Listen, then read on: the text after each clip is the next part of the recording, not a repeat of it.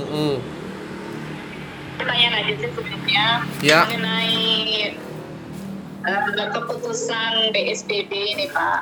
Apakah mempengaruhi nanti eh, apa optimisme pelaku pasar di pasar modal? Karena hari ini ya IHSG melemah ya Pak ya siang tadi ya. Ya. Ya, jadi Secara umum pada ekonomi dan pasar modal gimana nih Pak PSBB? Ya, pertama eh, memang PSBB yang ditetapkan kemudian akan direalisasikan eh, untuk mengendalikan penyebaran COVID-19 ini pada dasarnya menjadi salah satu upaya untuk eh, em, apa eh, bagi pemerintah ya agar masyarakat dapat memutus mata rantai. Nah, tetapi kalau dihubungkan dengan kondisi pasar akhir-akhir ini memang ada beberapa sentimen yang harus menjadi pertimbangan oleh pelaku pasar. Yang pertama, satu eh, saat ini dari aspek ekonomi eh, PDB kita masih dalam masa kontraksi di mana Q2 kita minus 5,32 persen, kemudian Q3 kita minus eh, 3,49 persen dan walaupun uh, tren uh, pelemahan itu dapat dikatakan relatif kecil tetapi angka PDB kita masih tetap pada zona negatif atau zona kontraksi. Itu yang pertama. Nah sehingga perlu adanya uh, strategi atau siasat transaksi yang lebih uh, lebih strategis. Itu yang itu yang pertama. Kemudian yang kedua Eh, akhir tahun kemarin pada hari terakhir indeks ditutup di angka 5979 Eh, maksud saya itu belum juga sampai kepada angka eh, tertinggi yang pernah dicapai yaitu angka psikologis yaitu 6000 nah untuk itu sebenarnya eh, optimisme pasar masih cenderung terbatas kalau melihat adanya beberapa sentimen eh, yang berhubungan dengan indeks yaitu eh, PDB. Nah, yang ketiga, lonjakan COVID-19 atau kasus COVID-19 yang terjadi hari-hari terakhir kita dengar ini memang eh, mengakibatkan pasar cenderung membatasi transaksi karena apa transaksi yang ada itu dapat dikatakan eh, masih relatif minim karena likuiditas transaksi sangat dipengaruhi dengan apresiasi pasar. Nah, untuk itu karena adanya uh, pemberlakuan PSBB kembali tentu itu akan menjadi pertimbangan pelaku pasar untuk semakin membatasi transaksi dan memperhatikan sektor-sektor yang memang memiliki uh, sentimen di luar dari uh, kondisi saat ini yaitu uh, COVID-19 misalkan se- sektor-sektor pertambangan dan perbankan. Nah, mengapa demikian? Karena uh, pertambangan memiliki underlying sebut saja pengaruh dari harga minyak dunia yang saat ini masih uh, memiliki peluang untuk kenaikan untuk menguji level 50 US dollar per barrel di tahun ini.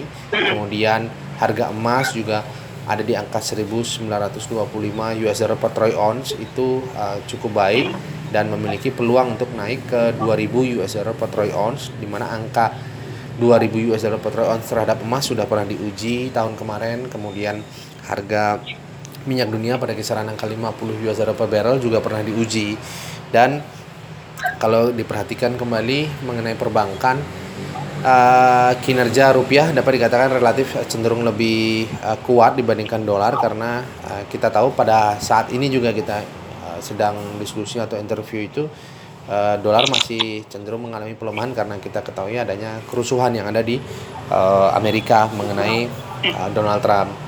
Nah, kemudian yang keempat sentimen berikutnya adalah memang pada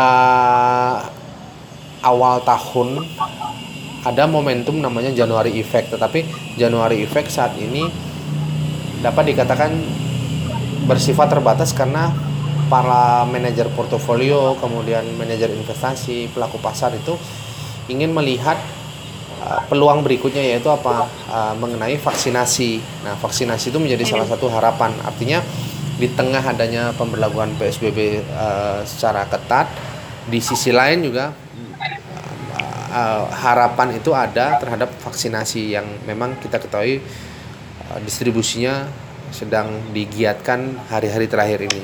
Nah, jadi itu kondisi indeks harga saham gabungan yang dapat dikatakan masih bergerak terbatas pada kisaran angka 1925 untuk ruang untuk eh, ruang gerak terendah dan yang tertinggi ada di angka 6200. Nah, itu untuk jangka pendek. Nah, peluangnya ke mana? Peluangnya masih tetap mengalami uh, koreksi karena sentimen negatif itu jauh lebih uh, besar dan kebetulan saat ini masih minim sentimen.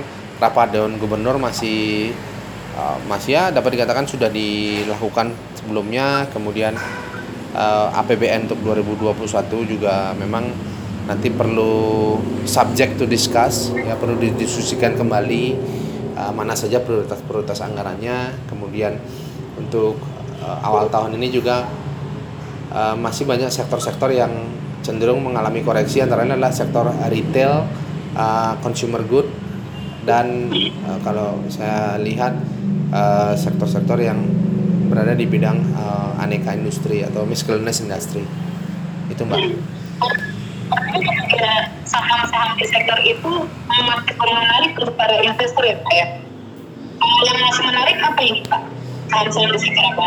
Nah, karena tadi kita sudah membicarakan mengenai kinerja sektor, maka saham-saham pilihan di sektor perbankan itu diwakili oleh eh, saham-saham seperti Antam, PTBA, PT Timah, Tins, kemudian Adaro Energi, Adro. Nah, itu saham-saham yang uh, memiliki potensial upside untuk mewakili sektor uh, pertambangan. Kemudian untuk perbankan sendiri antara lain adalah uh, Bank BRI, Bank Mandiri, Bank BCA dan uh, Bank uh, BNI, BBNI. Jadi dua sektor itu yang kiranya dapat menjadi perhatian, tetapi untuk sektor yang lainnya sementara untuk dapat dihindari terutama consumer good, property, uh, dan miscellaneous industry. Gerak terbatas IHSG ini kira-kira sampai kapan ya Pak? Sampai uh, akhir bulan Januari karena akhir bulan Januari itu pasar kembali memperhitungkan portofolio mereka untuk uh, tahun 2021 karena kita tahu nanti ada kuartal keempat. Nah, uh, Q4 itu menurut perkiraan saya PDB itu akan masih berada pada zona negatif tetapi minusnya jauh lebih kecil yaitu 1,75 persen. Artinya dengan harapan itu pasar cenderung bergerak terbatas untuk menguji level 6100 yang uh, tertinggi kemudian yang terendah ada di angka 5950 artinya indeks akan bergerak pada kisaran angka tersebut. Ya. Uh, Pak ada tweet dari para pelaku pasar nggak untuk sementara ini karena masih lemah uh, kondisi perekonomiannya ke kayak kemarin beralih ke emas gitu. Ya, oh, memang pelaku pasar saat ini melihat instrumen alternatif itu antara adalah komoditi, nah sehingga komoditi antara adalah emas, harga emas, harga minyak dunia itu menjadi uh, alternatif transaksi untuk mensiasati adanya sentimen yang dapat dikatakan masih lebih dominan sentimen negatif daripada sentimen positif saat ini. Jadi ada kemungkinan harga emas ini akan melambung lagi Pak? Ya. Dalam sampai akhir Januari ini? Sampai akhir Januari uh, peluang emas untuk menguat uh, ada di level 2000 US dollar per troy ounce dan harga minyak dunia juga cenderung menguat untuk menguji level 45 US dollar per barrel. Jadi itu ruang uh, gerak emas dan uh, harga minyak dunia yang cenderung positif. Hmm, baik, lalu yang terakhir, lalu bagaimana Pak sebenarnya optimisme pelaku pasar sendiri melihat perkembangan uh, ekonomi Indonesia di awal tahun ini Pak? sampai kuartal pertama nanti kira-kira akan seperti apa ya Pak gambarannya? Sampai kuartal pertama menurut perkiraan saya masih ada dalam uh, zona negatif. Akan tetapi memang zona negatif tersebut sudah diperhitungkan oleh pelaku pasar karena kita tahu dalam uh, beberapa periode sebelumnya memang kita mm-hmm. telah mengalami kontraksi uh, pelemahan di level PDB kita di angka 5,32 persen. Nah untuk itu uh, itu akan masih itu um, masih menjadi uh, batas toleransi atau masih dapat ditolerir oleh pelaku pasar. Nah untuk itu Pak, saya kira Pak pelaku pasar tidak menghindari secara pragmatis untuk transaksi dalam jumlah besar, tetapi mereka juga ingin memanfaatkan kesempatan ini walaupun terus terang dalam kesempitan karena memang PDB-nya masih ada pada eh, teritori kontraksi atau negatif. Nah itu itu yang eh, apa namanya yang dapat dialami itu untuk eh, awal tahun awal tahun ini terutama pada bulan Januari.